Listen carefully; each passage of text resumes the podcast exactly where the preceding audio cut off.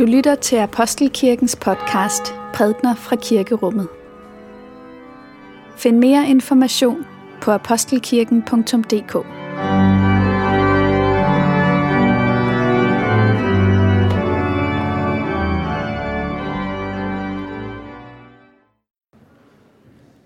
Godmorgen og velmødt til gudstjeneste på årets sidste søndag og dag. Det er også julesøndag i dag, og vi skal høre beretningen om barnemordet i Bethlehem. Og så er det jo ellers på denne dag en anledning til at se tilbage på året, der er gået, og sige Gud tak for, hvad vi fik, og lægge det alt sammen tilbage i hans hænder. Lovet være du, Gud, for at du sendte os din søn Jesus Kristus, som dit svar til alle, der søger og længes efter at se din frelse. Men hvor han kommer, vækker han modsigelse. Fortrygte glæder sig over at se Guds rige bryde frem, men verdens undertrykkere frygter for at miste deres magt og rejser sig i vold og vrede. Bevar os, Herre. Tøv ikke med at føre din vilje igennem. Skab fred i verden hos alle mennesker, så vi alle må se, at du er barmhjertig og nådig, og at din er magten fra evighed og til evighed. Amen. Denne hellige lektie skrives hos salmisten. Herren er mit lys og min frelse. Hvem skal jeg frygte? Herren er værn for mit liv. Hvem skal jeg være bange for?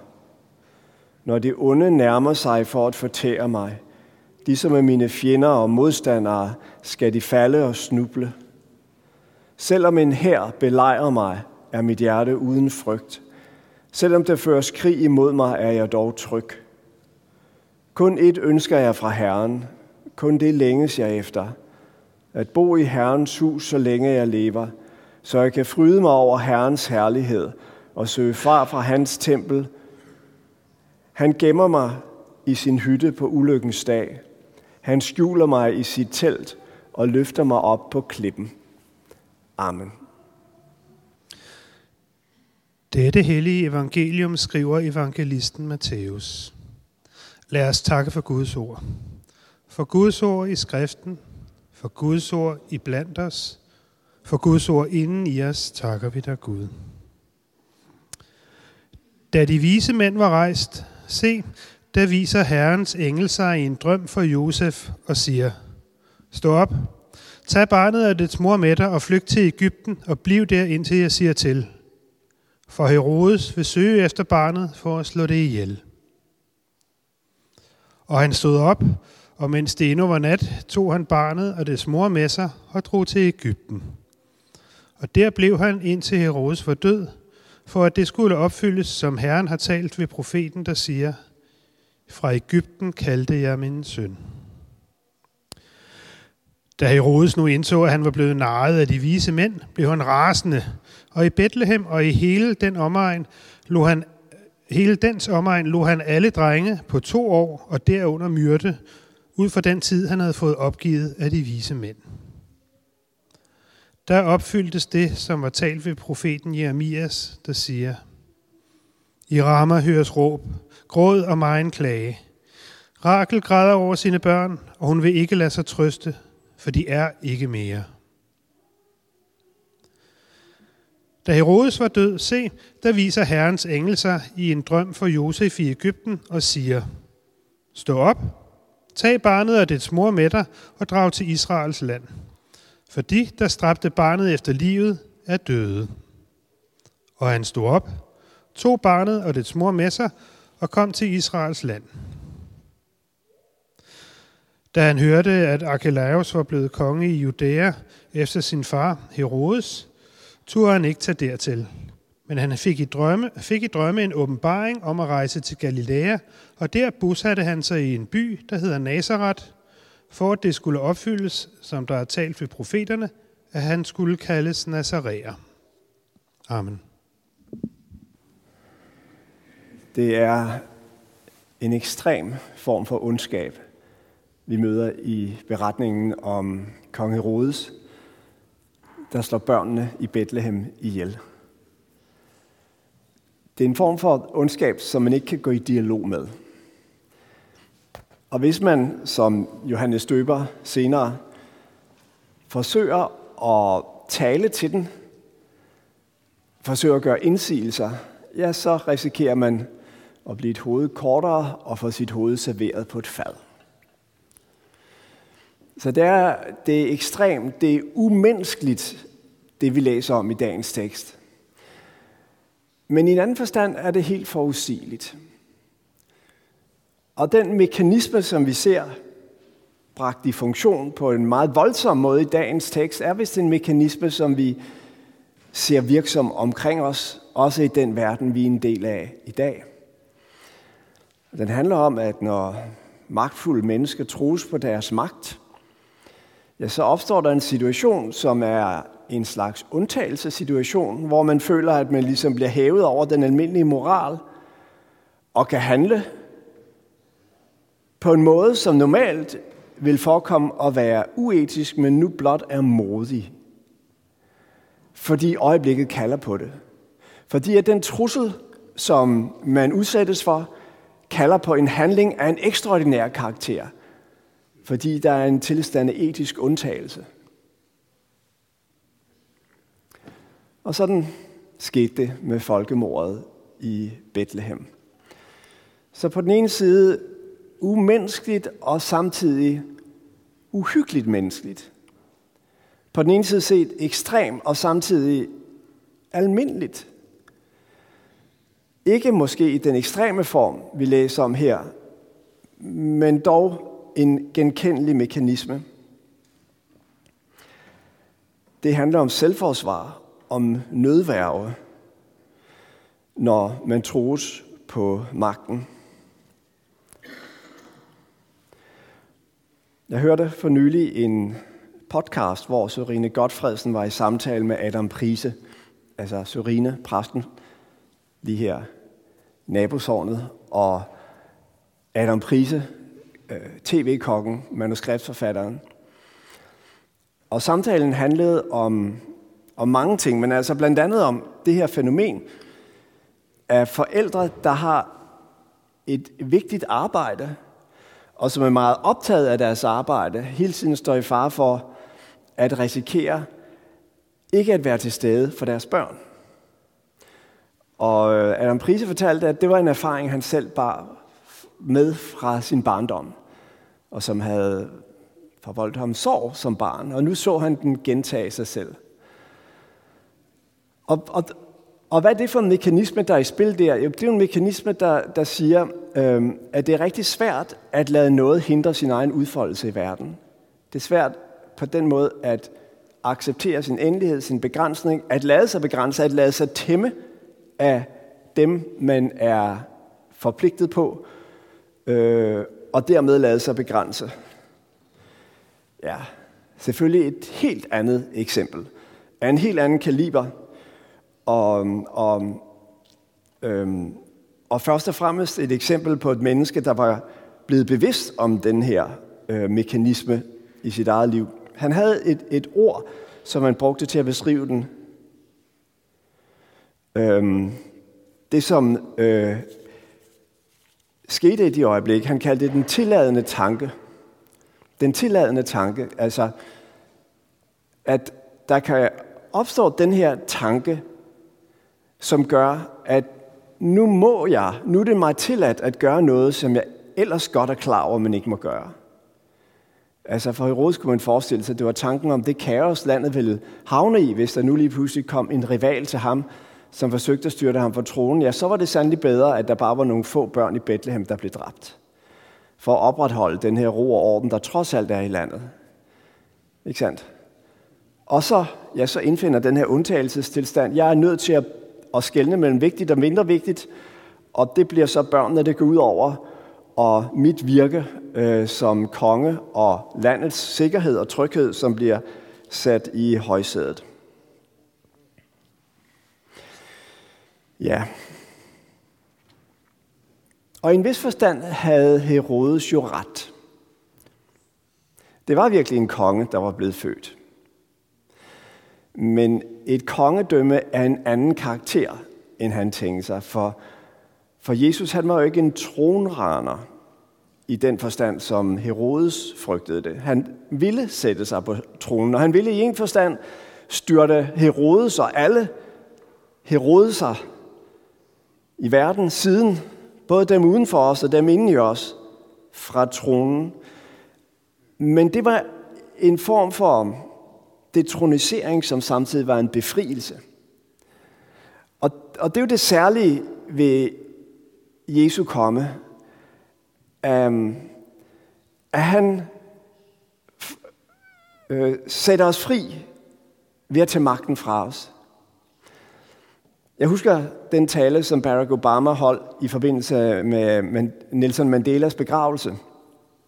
En fantastisk tale, hvor han blandt andet havde den her formulering. Det krævede en Madima, som han vist kaldte men Nelson Mandela, ikke blot at befri de undertrykte, men også undertrykkerne. Altså, ikke blot dem, som havde lidt under den her forfærdelige apartheid-politik, men også dem, som havde udført dem, havde brug for en befrielse. Så i virkeligheden blev Kristus født for at tage Herodes fri. Men Herodes han forstod ikke den frihed. Han frygtede den. Og derfor kom han ud i den her øh, grufulde grofulde voldshandling og dræbte børnene. Men så står der videre i teksten, at Herodes dør. Og det er jo, øh, altså, han, han må smage sin egen medicin, kan man sige. Han dræber for at opretholde den her følelse af selv at være ved magten, selv at være i centrum. Og så går der noget tid, og så må han selv dø. Det er jo som Benny Andersen sagde, hvad nytter det at gå med skudsikker vest, når døden kommer fra hjertet? Det var det, som øh, udspillede sig i konge Rodes' liv. At han, var, han gjorde alt for at sikre sig, men forstod ikke, at den største fare, det var i virkeligheden ikke den fare, der kom fra øh, øh, rivaler, men det var den fare, det fængsel, han selv var fanget i, og som tog livet af ham. Mod Herodes' magt kan man ikke tale. Det er ikke en magt, man kan gå dialog med. Man må flygte. Og det var det, Kristus gjorde. Maria og Josef måtte flygte til Ægypten. Men kan man spørge, var Kristus ikke netop kommet for at tage det på sig? Skulle han ikke blive med børnene i Bethlehem? Og, og der må vi jo sige, jamen Jesus, han blev faktisk dræbt af en Herodes på et senere tidspunkt. Det var netop den mekanisme, at der var mennesker, som følte sig troede, følte, at der blev taget magt fra dem, at de som religiøse magthavere mistede det og blev sat ud af funktion, som gjorde, at han blev slået ihjel 30 år eller 33 år senere. Og i den forstand tog han det på sig. Han gik ind i børnene i Bethlehem situation og gennemlevede den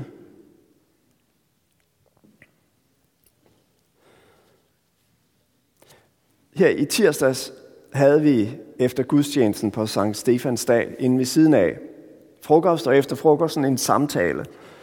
Vi havde inviteret menigheden til en samtale, som skulle handle om, hvad vi gør, når konflikter melder sig i vores samfund. Voldelige konflikter rundt omkring i verden, øh, som i vores nærområde viser sig i form af øh, øh, øh, konflikter mellem forskellige grupper af mennesker. Og øhm, det blev en meget interessant samtale. Jeg stillede på et tidspunkt spørgsmålet. Hvad er årsagen til, at konflikter bliver voldelige? Og der var en af vores iranske brødre, som svarede sådan her. Ganske enkelt, homo sapiens. Og det var et meget alment svar, men i grunden også et meget præcist svar. Den mekanisme, der leder af Herodes' vej. Det er en mekanisme, som er dybt indlejret i os. Det er en mekanisme, der er forbundet med det, som i Bibelens sprog hedder synd. Det, at vi lider af en form for grundskade. At vores øh, kærlighedsevne er defekt. At vi har en trang i os til hellere at underlægge os andre, end at give os hen til dem. Og det er den trang, det er den mekanisme, som udmyndter sig i Herodes, og som i grunden udmyndter sig, når øh, konflikter bliver øh, voldelige. At konflikter kommer, det hører med til menneskelivet, sådan må det være. Men når de udfolder sig på en måde, så at vi ikke længere er i stand til at lytte og tale med hinanden, ja, det skyldes øh, de, den her øh, formørkelse i menneskesindet. Og så spurgte jeg, hvad er så løsningen? Og der var en af vores iranske søstre, som svarede, jeg ser ingen anden løsning end Jesus Kristus. Og det var også et alment, men også et meget præcist og et godt svar. For det er Jesus Kristus og ham alene, der kan gøre det, at han tager magten fra os og samtidig gør os fri. Det er kun ham, der kan sætte os fra tronen på en måde, så det bliver en befrielse. Og derfor bliver opgaven, når det handler om at leve med konflikter og i konflikter, ja, det bliver først og fremmest den hele tiden at leve i en form for selvbesindelse, hvor vi bliver opmærksom på Herodes' ånd, hvor den viser sig i os, og bringer den frem i lyset og siger, Herre, forbarm dig, i stedet for at forsøge at få stemmer omkring os til, til at tige. I dag har jeg taget et kors om halsen. Og det er et kors, som bærer en særlig historie, som jeg nu vil fortælle jer. Det hedder Coventry-korset.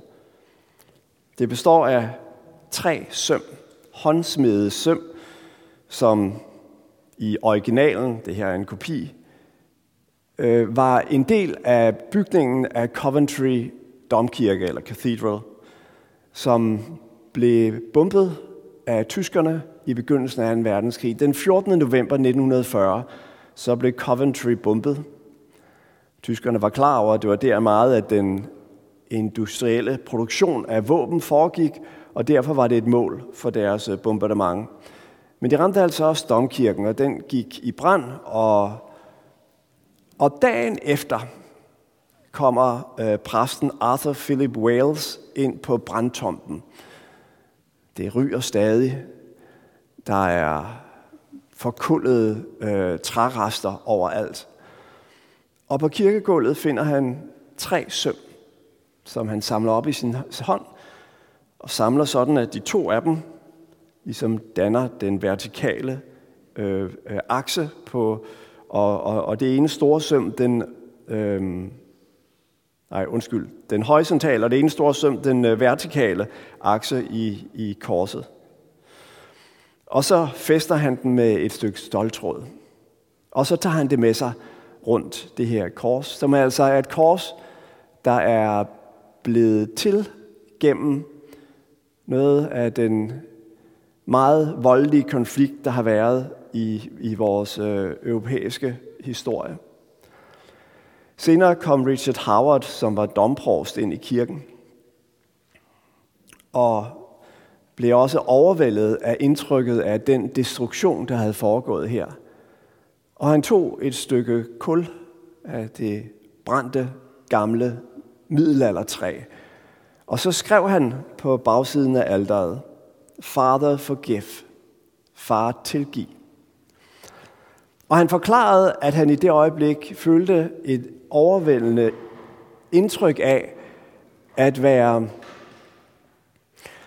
ikke blot i en verden, hvor nogen havde gjort noget forkert mod nogen andre, men i en verden, hvor vi alle sammen var fanget i en form for blindhed. Og derfor sagde han, derfor kunne jeg ikke sige, Father forgive them, men blot Father forgive. Og han citerede Paulus' brev til Romerne, kapitel 3, vers 23, hvor der står, vi har alle syndet og mangler herligheden for Gud. Og så skrev han, jeg tror det var samme dag, et litani. En form for bekendelsesbøn. Og øh, det er en bøn, som formulerer en bekendelse ikke blot af de problemer, der er i verden omkring os, men ligesom fører dem tilbage til os selv. Og gøre os opmærksom på den Herodes ånd øh, i os selv, der hvor den viser sig. Og, øh, og, og, og derudover også beder for hele verden med alle dens konflikter. Og jeg har oversat det her litani til dansk, og det ligger i salmebøgerne. Så vi skal slutte prædiken i dag med at læse det sammen. Så hvis de folder det stykke papir ud, og så vil jeg læse det der, øh, den første sætning, og så skal I som menighed svare fader tilgive.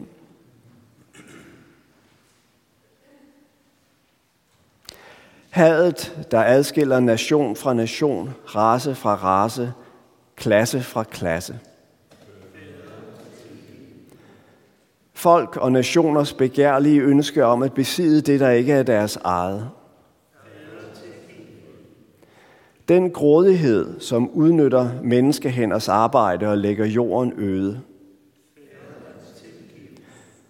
Vores misundelse over andres velfærd og lykke. Vores ligegyldighed over for de fængsledes, de hjemløses, flygtningenes vilkår.